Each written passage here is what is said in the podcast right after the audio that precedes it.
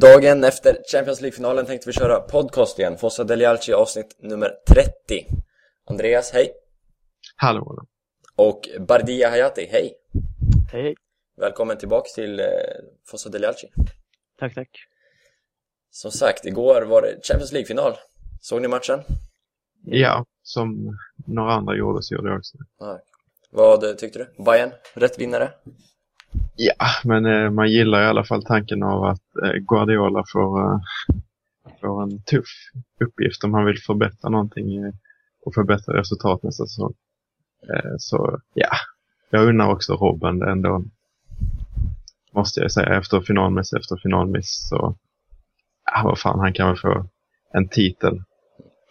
Bardia gynnar du Robben?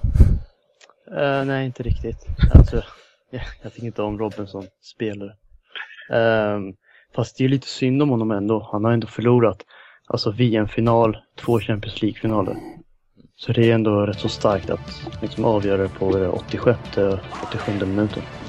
Låg jag rätt tungt på Bayern också rent i bettingsammanhang så kan ju liksom influensera min syn lite det. Jag tänkte vi skulle skippa sån här tysk fotboll och prata lite riktig fotboll också. uh, I dagens avsnitt går vi igenom känslor och tankar efter sena matchen. Vi är klara, ligan är över. Tredjeplatsen klarades till slut. Och Andreas vill prata lite om domarna, eller hur? Ja, det vill man ju ofta göra. Och så är det en liten situation med Allegri och Sedolf i dagsläget, som vi också tänkte gå igenom. Så det får väl bli dagens avsnitt, tänkte jag. Andiamo!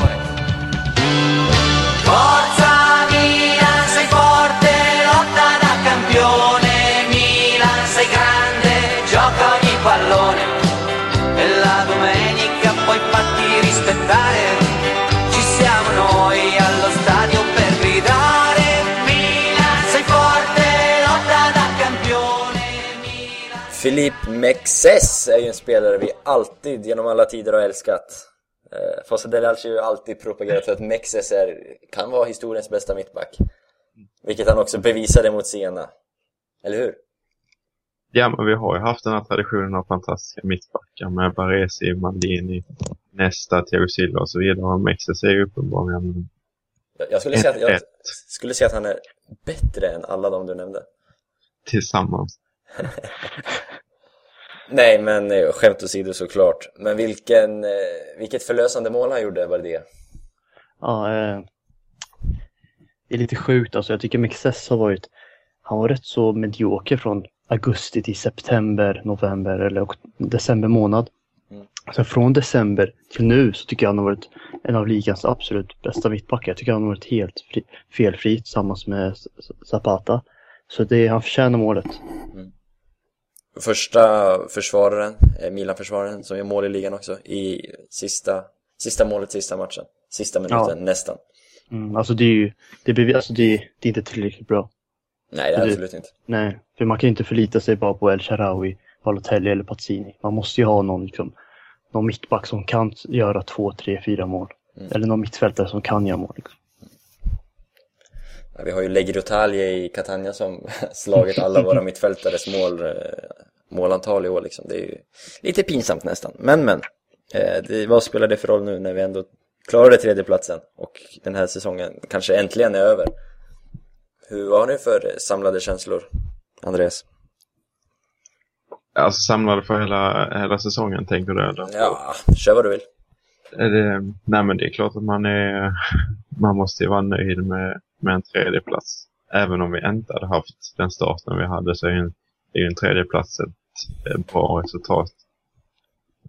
I alla fall om du hade sett på förutsättningar innan säsongen. Sen så har ju andra lag också varit en besvikelse och sådär. Men, eh, men eh, innan säsongen börjar och framförallt med den starten vi har så är ju en tredje plats är ju fantastiskt. Det tycker jag inte man kan tvivla om. Jag tycker att Allegri har gjort ett rätt, riktigt bra jobb med allting sådär. Så det, det känns inte som att han borde, att vi borde ha någonting att göra på en andra plats och slåss mot Napoli som är ett projekt som har, tatt, som har kommit mycket, mycket längre med en tränare som har suttit länge med spelartrupp som har varit eh, varit, fått kontinuitet och liksom fått kvalitet in eh, sommar efter sommar, Mercato efter kallt.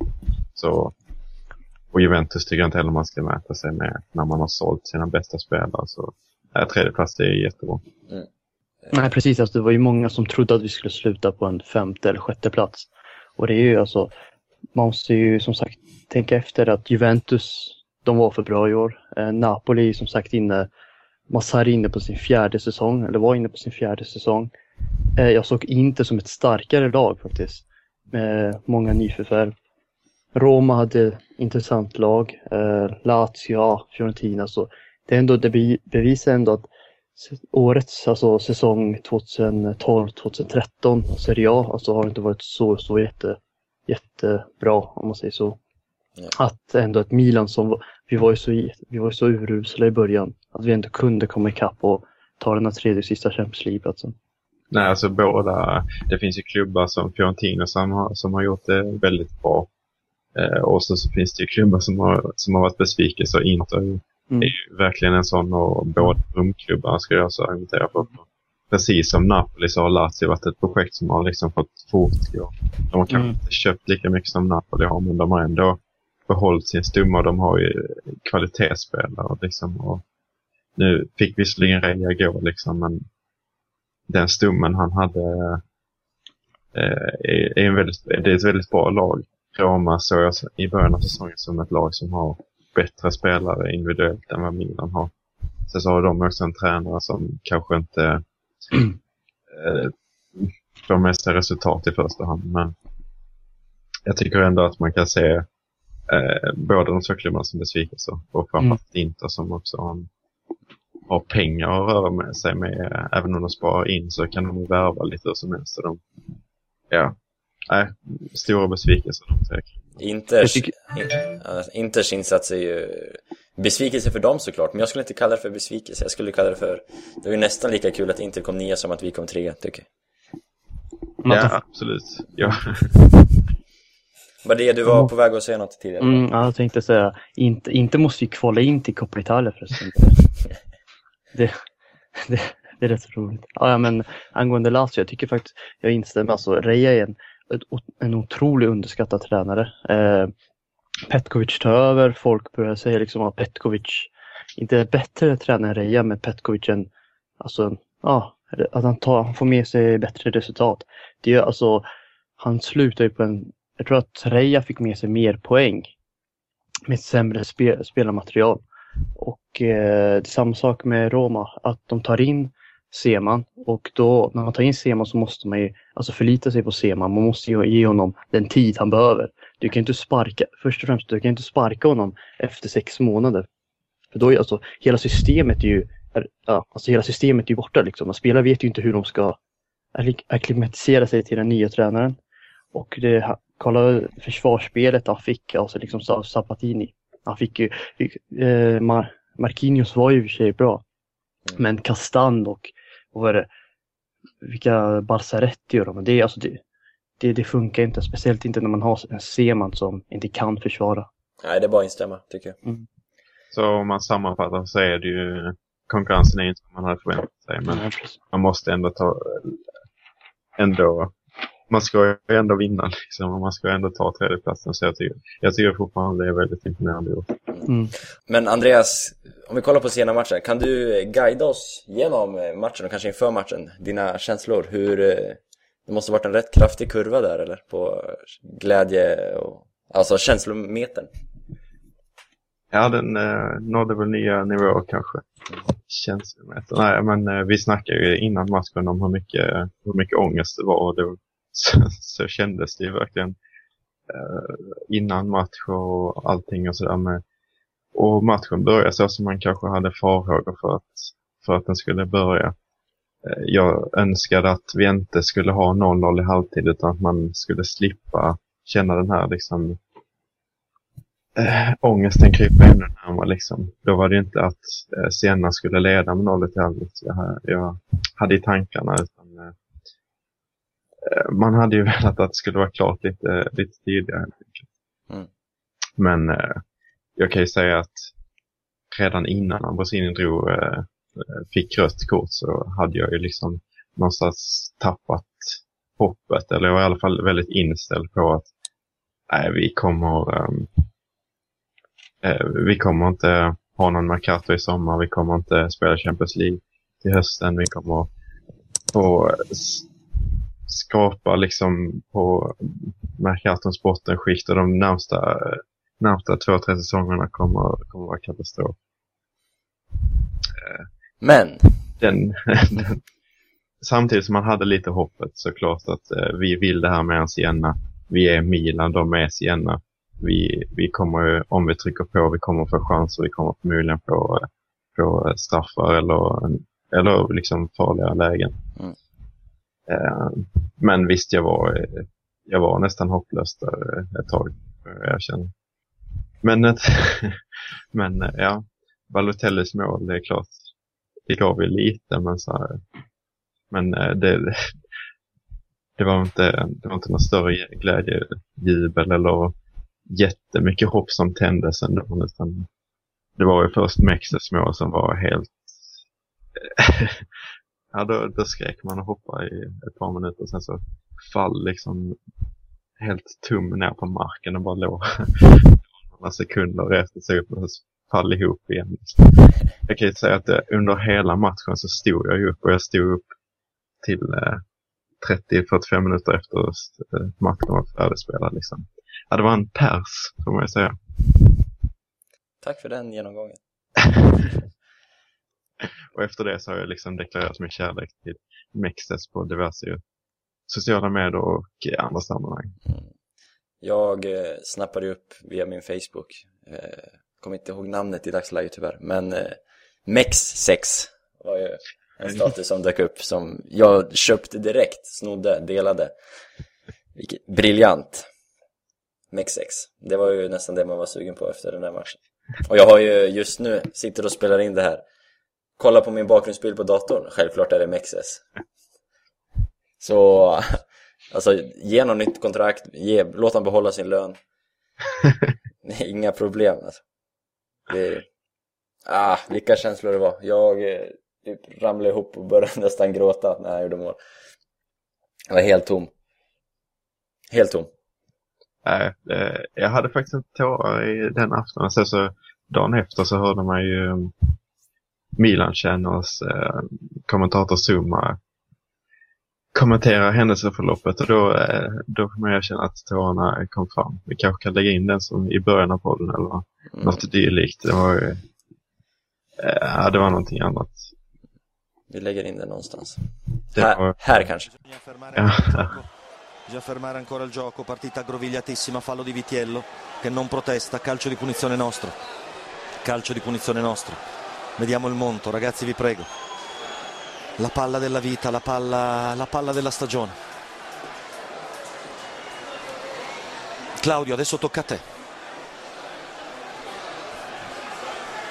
Lo dico con tanta emozione. Vediamo. Montolivo. Montolivo, calcio di punizione nostro. Montolivo, Elcia, Elcia, Elcia, Elcia la tocca ancora per il Monto. Esce il Siena, pallonetto, Mexes, Mexes. Gol! Gol! Claudio! Claudio! Claudio! Te l'avevo detto che toccava a te, Claudio! Grazie, Claudio! Anima mia! Claudio, adesso tocca a te, lo sapevo, Claudio mio, lo sapevo. Piango e mi emoziono. Filippino.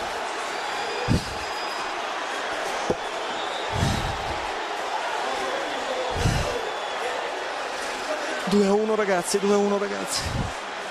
È entrata ragazzi. E adesso lo dobbiamo difendere ragazzi. Stefanino carica i tifosi. Ragazzi, io non so quanti anni di vita ho perso, ma va bene così. Mexes, respinta di Pegolo, aveva respinto anche questa e poi Filippone dentro. E poi Filippone dentro. E poi Filippone dentro. Vediamo. E poi Filippone dentro. Äh, man, kan, eh, man kan tycka det är festligt med, med Crudelli som liksom blir galen och, och skriker och hoppar och har sig efter varje match. Men eh, Zumas kommentering av den matchen, det var... eh, Man, man kunde verkligen höra känslorna i rösten på honom och eh, han ropar väl eh, gol två gånger ungefär när, när Mexes gjorde mål och sen så bara i ren liksom, ja vad ska man säga, det var glädje liksom frustration nästan allt släppte liksom. Eh, vrålade han ut Claudio då eh, och refererar till eh, Milan Känners eh, journalist som, som dog i den här säsongen. Mm. Så det var, det var rörande. Otroligt rörande. Ja, verkligen. Och vi, vi var ju nere eh, då på Napoli och liksom vi var på Milanello. Så hans eh, pressalen som hade tillägnats till, eh, till Claudio då, Lippi och ehm, eh, ja, vi var på matchen och fick se liksom hyllningarna där. Det är ju det är väldigt rörande. Badia, dina känslor, är det något som sticker ut från det Andreas har berättat? Eller såg det likadant ut hemma hos dig? Alltså grejen var att under matchen, alltså jag, jag höll ju på att gråta för grejen var att scenen var ju så otroligt bra. Alltså de hade ju kunnat, alltså, de hade ju kunnat vinna Champions League, alltså de, de var ju så bra.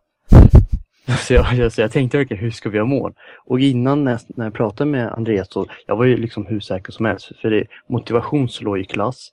Motivation plus klass slår ju liksom, det ska ju slå ett Sena alltså, som redan, alltså nästa säsong ska spela Serie B. Men runt minut 75, 80, då började jag verkligen, alltså jag visste inte vad jag skulle göra liksom.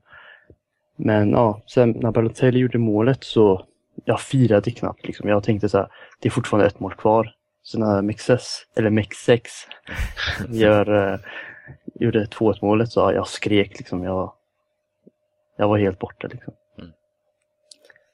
Ja, det är, det är så härliga känslor, men eh, så här, vad är det nu? Är det en vecka sedan? Man är fortfarande lite halvt på moln. Alltså det är ju så, vilken betydelse det där målet hade alltså. Det, det går inte att inte understryka hur otroligt viktigt, som du sa, eh, flera säsonger Mercato. Nej, Nej, och det var ju de, eh, det var ju allt det som vi använde för att bygga upp och bygga upp för att få all den här ångesten var ju att hur jävla viktig den här matchen är. Mm. Eh, Och det var ju det som, alltså det var ju inte Siena som gjorde att vi fick ångest, det var ju att, att eh, den absoluta vikten av matchen. Och grejen var att man blev hela tiden påmind om att Fiorentina har gjort 4-0, 5-0, 6-0 på liksom Pescara. Så det, jag blir alltså, när man hör liksom kommentatorn säga ja nu har Jajic gjort 4-0 liksom. Då tänkte man liksom, det kanske inte är liksom, vi kanske inte ska spela Champions League nästa säsong. Nej, Pescara, de stod inte emot som Siena precis. Det är, och det är också en grej när man räknar upp allt det här som eh, Mercato och allting som det skulle inverka på Milan. Sam, motsvarande effekt skulle Fiorentina få ju. Eh, och då skulle vi få en konkurrens, eh, en konkurrent som, som kanske går om oss till och med redan nu. Precis. Fiorentina är redan på väg upp. Och eh, vi har bara tre Champions League-platser. Ska vi ta den av Juventus eller Napoli? Ja, Napoli, man vet inte var det projektet är på väg, men eh, hade Fiorentina gått om oss redan nu så hade det varit väldigt svårt att ta tillbaka den. Um, om de redan hade kunnat locka med, med Champions League, nu kanske de får sälja Jovetic istället och vem vill gå dit för Europa League? De kan ju locka spelare ändå, men Nej exakt. Mm. De kan ju inte locka. Eh, motsvarande grej hade ju skett för dem, att de hade fått mer pengar de hade fått mer attraktionskraft. Det hade ju haft eh, ofantligt stor betydelse för Mm. dem och, där, och därefter på oss. nej. Ska man sammanfatta det med grazie Filipe? Det tycker jag. Mex 6. Milan, Milan, corre va, più nessuno ti fermerà. Milan, Milan, mondo intero puoi conquistare. Men eh, mycket av efterspelet efter matchen, eh, för de som inte var helt eh, high on life, som vi kanske var, det handlar mycket om domarna. Eller kanske domaren, men också domarna över hela säsongen. Och Andreas, du hade en del tankar om det. Ja, men mycket har ju handlat om det och Fiorentina spelarna har ju reagerat ganska kraftigt och det kan inte bara spelarna som har gjort det utan ja, hela fotbollsitalien har reagerat det på, på sitt sätt. Liksom. Men, Corriere dello Sport, Scandalo, eller vad det stod dagen efter. ja, Som är Rom-baserad till och med. Alltså jag tycker att verkligen att det är överdriven, en överdriven reaktion. Eh, visst att det var en, inte var straff så, eh, just på Balotelli.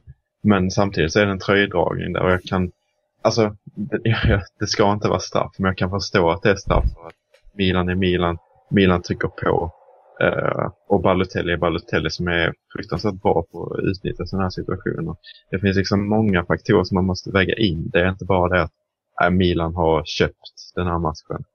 Eh, som det är många, många som pratar om. De skriver ska, eh, att det är skandal, skandal i, i karriären, men det pratas ju om eh, att rån och mord på en gata och sådär.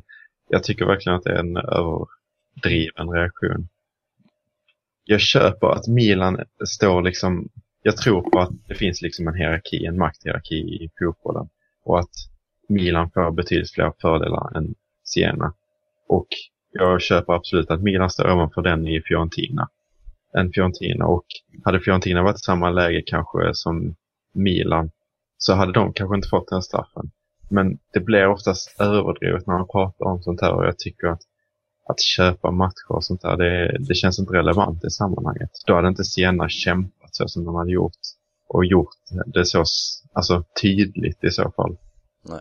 Eh, det finns många sätt att de bara hade haft en lite loj inställning där det inte varit någon som hade fördömt dem för det. De spelar mot deras eh, rivaler och sådär. Eh, så jag tycker att den, eh, den reaktionen som har varit så självklar, många ser det som självklart att Milan har liksom köpt den här matchen. Jag, jag har svårt att se det ändå. Eh, oftast så blir vinklingen så grov, alltså man pratar om att Siena skulle haft en solklar straff. Men eh, och Ambrosini skulle haft gult kort, men na, den tröjdragningen, där var bollen aldrig i spel, så det skulle, det kan inte ha blivit straff liksom. Vi har El Shaarawy som eh, blev avblåst felaktigt för offside eh, när han var helt ren med målvakten det, det liksom fanns andra situationer också. Och det är, liksom, det är naturligt att, att Milan, att man får fördelar. Eh, helt enkelt för att man är storklubbar, helt enkelt för att man ligger på och pressar mycket och för att man har spelare som lätt kan göra skillnad eh, längst fram och lätt kan, och som Balotelli är skicklig på att få straffar på frisparkar. Mm. Man får inte heller förglöm, eller glömma bort att Ambrosini åkte ut först för en tackling som väl ändå träffade bollen. Hade en köpt domare visat ut Ambrosini i det läget ställer jag mig tveksam till. Ja, ja men det, är, det är löjligt. Alltså, visst att det, det kanske var rött kort, men det är ingen som hade höjt på ögonbrynen om han inte hade fått rött kort där. På, för liksom ett andra gula på en tackling på, på offensiv planhalva. Det är ju... alltså, om man köper matcher så är det ett, kanske ett lättare sätt att eh, få igenom det liksom. Samma sak med offside där. De hade kunnat släppa, om de var osäkra på El Shaarawy så hade de kanske kunnat släppa honom. Och ingen hade höjt på ögonbrynen om det hade varit två millimeter. Nu var han på rätt sida. Hade han varit millimeter på fel sida så hade ingen höjt på ögonbrynen om, på det. Så jag, jag har svårt att se det. Samtidigt så var jag ju rätt så hade ganska god tro på att vi skulle få en straff och det handlar ju om allt det här att vi skulle ligga på och och att vi har skickliga spelare och att vi är Milan ändå. Eh, jag säger inte att alla lag hade fått fördelar så som Milan hade fått det, men det innebär inte att vi har köpt domar på det. Men alltså jag, tycker det är, alltså jag tycker det är löjligt att man ska in på så diskussionen köpa domare, muta, alltså muta domare eller köpa en match. För jag tycker liksom här måste man ju visa klara bevis. Du kan inte liksom, man låter ju liksom känslorna svälla över och man säger liksom inte supporter eller Fiorentina-supportrar säger liksom ja de har ju köpt domaren. Fast, alltså det är liksom helt, alltså det är så löjligt för hade vi köpt domaren, man köper ju inte, om man köper en domare så köper man inte en domare för en match. Då köper man, då brukar det vara flera olika matcher och då hade jag, då kan jag väl säga så här, hade vi köpt domaren så hade ju inte Fiorentina, alltså de hade inte varit två poäng eh, efter oss. Då hade vi liksom redan sprungit i för, alltså före dem. Vi hade ju liksom fått straff mot Fiorentina. Ja, ja då hade vi kunnat plocka de fördelarna mot just Exakt. till exempel, där vi hade majoriteten av domsluten mot oss. Mm, exakt, och att liksom köpa domare, det, det är liksom en, vad ska man säga, en process. Att det är olika matcher. Det händer, det händer inte bara, alltså det, är, det är inte bara, alltså Galliani ringer domaren och säger så ja men bla bla bla. Alltså det är olika matcher och det är, ja, ja, det är flera olika matcher för att det ska se så, för det blir väldigt konstigt om om en match där domaren liksom ger Milan till exempel fem straffar för att nästa match liksom ingenting händer. Liksom. Ja, alltså Sen så säger jag inte att det, det kan ju vara så. Jag kan inte utesluta det.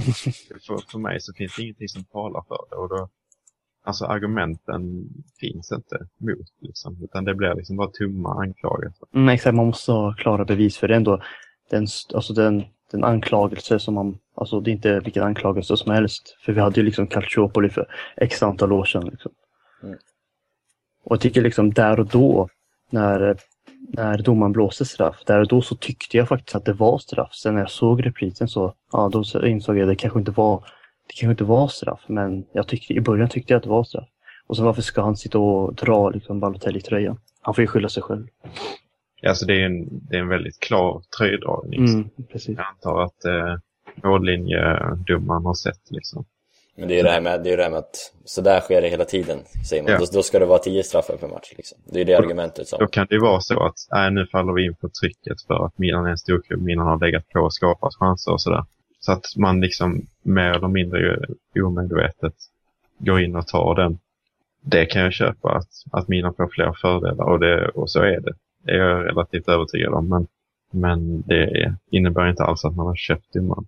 Däremot så kan man jobba för att få en maktposition i, i, i en sån här hierarki och det, det gör man ju hela tiden. Det gör jobbar ju Galliani och de på.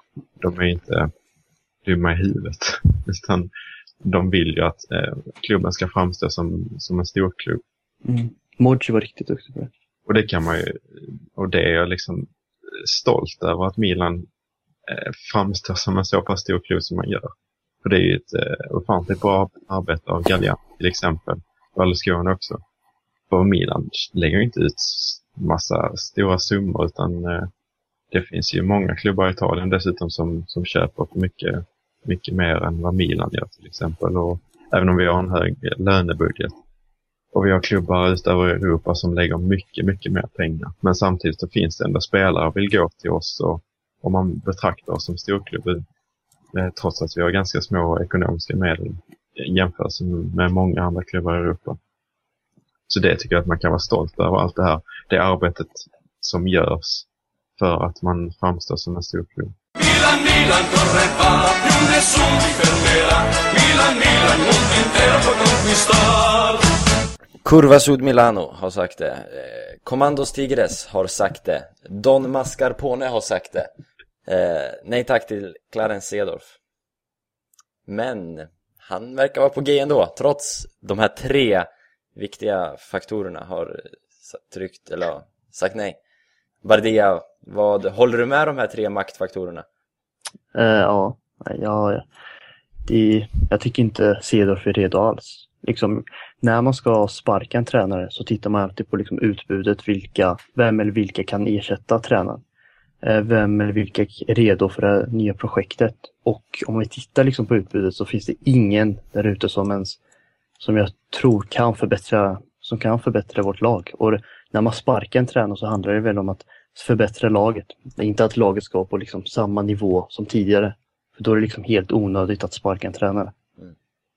Och liksom Cedorf, visst, alltså jag älskar Cedorf, men han har inte ens, han har inte tränat ett lag ens. Liksom Montella hade ju ändå P16 med Roma innan han tog över Romas A-lag i sex månader för att sedan gå till Catania. Guardiola hade ju liksom Barcelona B i två år tror jag.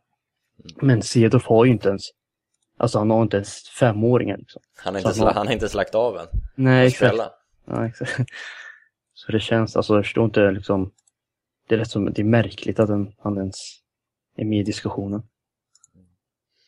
Ja, Don Mascarpone har ju sagt sitt på Twitter. Eh, vad säger han i podden?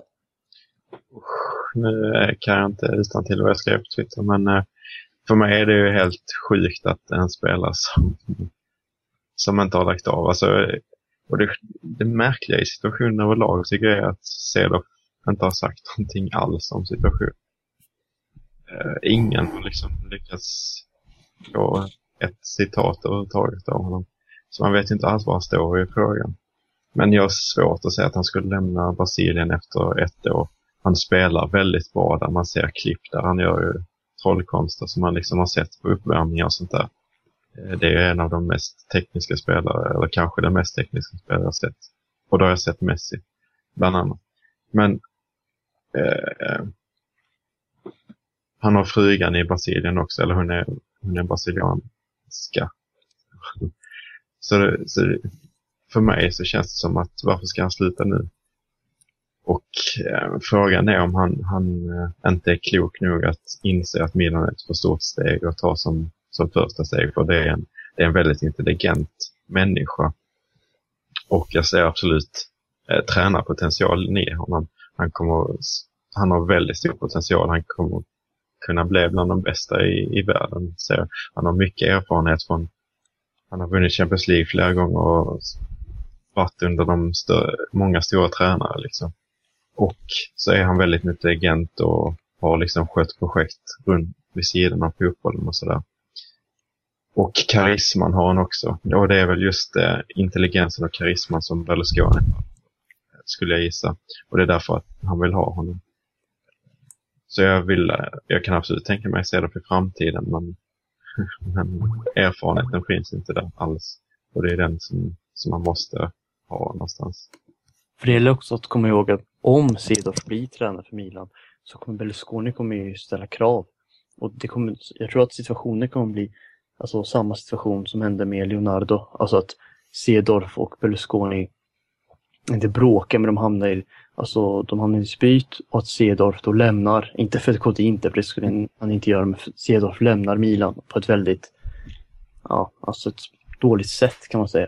För att Leonardo spelar ju, han var ju liksom, inte Milan-legend fast han var ju liksom, han hade spelat i Milan. Han, Mm. han, han satt där uppe med Galliani och Braida och dem. Och jag tycker det är väldigt synd om det, alltså, ja, det skulle hända med Cedor. Ja, absolut. Och du säger att eh, Berlusconi har krav. Vad har Ceder för krav? Mm. Han kommer inte, kommer Ceder spela med ett mittfält med Flamini, Montari och Montolivo? Vi, om vi bara gissar vad han, han är skolad i Ajax liksom. Visst att han har sett på mycket i Real Madrid och Milan och allt sånt där. Sett olika sätt att spela fotboll på. Men jag skulle gissa att han är, har någon slags eh, holländskt tänk där i, i bakgrunden. Jag skulle gissa att han vill spela possession och vill ha liksom väldigt bo- bollskickliga spelare. Och som vi har varit inne på tidigare i olika i podcast, eh, så de spelarna kostar pengar. Är Ber- är Berlusconi beredd att lägga ut de pengarna? Det måste han vara om man ska, han ska anställa Cedorf. För det finns ingen som, som kan göra det så bra med det här materialet som Allegri, så som jag ser det. Nej, nej, så. Det har inte bara varit Cedorf dock, även om han är det överlägset hetaste. Vi har haft eh, Van Basten, en till gammal före detta holländska, holländsk spelare, som även ju har lite tränarbakgrund. Det har väl varit lite löst prat om Rijkaard. Eh, Matsari gick det inte nu. Mancini känns väl orealistisk. Vad, eh, ser ni något? För Allegri kommer väl gå nu, eller tror ni inte det? Det är möte imorgon måndag. Alltså jag tror, jag tror faktiskt Allegri, nu faktiskt tror jag att Allegri stannar. För det känns, Lite också åt samma håll. Mm. det känns som om Galliano har typ övertalat Berlusconi och det är inte första gången Galliano har lyckats övertala Berlusconi. Eh, så jag tror faktiskt Allegri stannar. Men om jag fick välja från de här namnen du nämner så, så ser jag helst van Basten. För han är åtminstone någon, alltså han har ju ändå tränat på en hög nivå, liksom, holländska landslaget. Ja, och så, så är det Ronaldoni har väl nämnt också som har, Mm. Han har i alla fall italiensk fotboll dessutom och, och eh, sådär. Så att den, om man får välja så får det vara någon av dem som har mest erfarenhet helt enkelt. Men det är inte det det handlar om beslutet som vi pratade senast med Reza då i, i förra avsnittet att det är Berlusconi som tar beslutet eh, om Allegri ska gå, för det är bara han som vill bli av med Allegri. Mm. Eh, och det han vill se, det är inte en, en mer faktiskt kompetent tränare, utan det han vill se är ju en med mer karisma och med mer Milan-förankring. Som han vill få tillbaks den här liksom, om Milanello har tappat lite den här eh, mytiska stämningen och, och sådär. Det är familjära känslan, det är den han vill få, få tillbaks. Eh, och det är därför han kommer byta tränare, det är inte på grund av något taktiskt. Nej, precis. Så därför så kommer det inte bli någon det kommer ju bli någon som är förknippad med, Milan, alltså Ma- Mancini och de utesluter jag direkt. Men eh, absolut, jag lutar också på alltså, att Allegri stannar. Det här mötet som skulle vara på måndagen är uppskjutet till torsdag. Ja, okej, det har jag missat. Eh, Och jag vet inte om, om Berlusconi väntar till torsdag, så det känns som om han ska sparka så får han göra det så snabbt som möjligt. Och, mm, och Sabatini skulle väl ha svar från Allegri på tisdag. Mm, det var det jag tänkte säga precis. Mm. Att Roma ville ha Allegris ja eller nej på tisdag. Exakt. Nej, det är stökig tränarmercato som, och fönstret har inte ens öppnat men tränarna kan ju göra lite som de vill känns det som. Och det lär ju bli fortsättning följer men Cedorf, vi älskar dig men nej tack just nu. Är väl sammanfatt, det man kan sammanfatta med. Ja, absolut. Och behålla Allegri. Helst, ja, helst behålla honom till nästa säsong för att sedan, alltså till 2004 då kontraktet eh, går slut och för, och för att ta in eh, Prandelli eller Montella. Det är den dröm som vi har haft länge här. Mm. På Fossa degli Alci. Vi tar ju bara in de som tycker exakt likadant som oss. en riktig ryggdunka-podcast det här ibland. Vi ska försöka jaga lite mer folk som har annan åsikt, men men. Eh, är vi nöjda för dagen eller? Det kan vi vara. Om inte ni har några andra ämnen ni sitter och tänker på? Ja, det är i och för sig mycket nu, men det, det kommer ju fler podcast till Ja, vi... Champions League och Mercato och så vidare. Exakt. Eh, säsongen är ju slut, men Fossa Deli Alci ska väl försöka rulla vidare, ungefär samma tempo. Det är väl tanken. Ja, någorlunda frekvent får vi väl vara. Mm. Kan inte garantera något, vi vågar inte lova något alls. Men eh, Mercato-podd kommer det bli, det kommer bli mer tränarsnack, det kommer bli Champions League-snack, det kommer bli nya gäster, gamla gäster. Och våran sköna intro-jingel såklart. Absolut. Den är kvar. Men eh, tack till dig. Jag ska kanske ska förtydliga, jag har fått önskemål på det tidigare, att när vi har fo- eller, forumskribenter med från Svenska fans så ska vi säga namnet. Så vad heter du på Svenska fans, Bardia? Eh, Curva Sud Milano. Precis, forumvärd är du där också. Ja. Eh, ganska frekvent. Så eh, det är den här rösten ni har. Det är Curva Sud Milanos röst ni hör just nu. Eh, ja, tack till dig i alla fall för att du ville vara med idag. Tack själv. Mycket bra snack. Andreas, grazie. Grazie. Och så hörs vi när vi hörs nästa gång. Tack för att du har lyssnat. Lämna en kommentar om du gillar det. Ciao! Ja. Ciao, ciao. Quando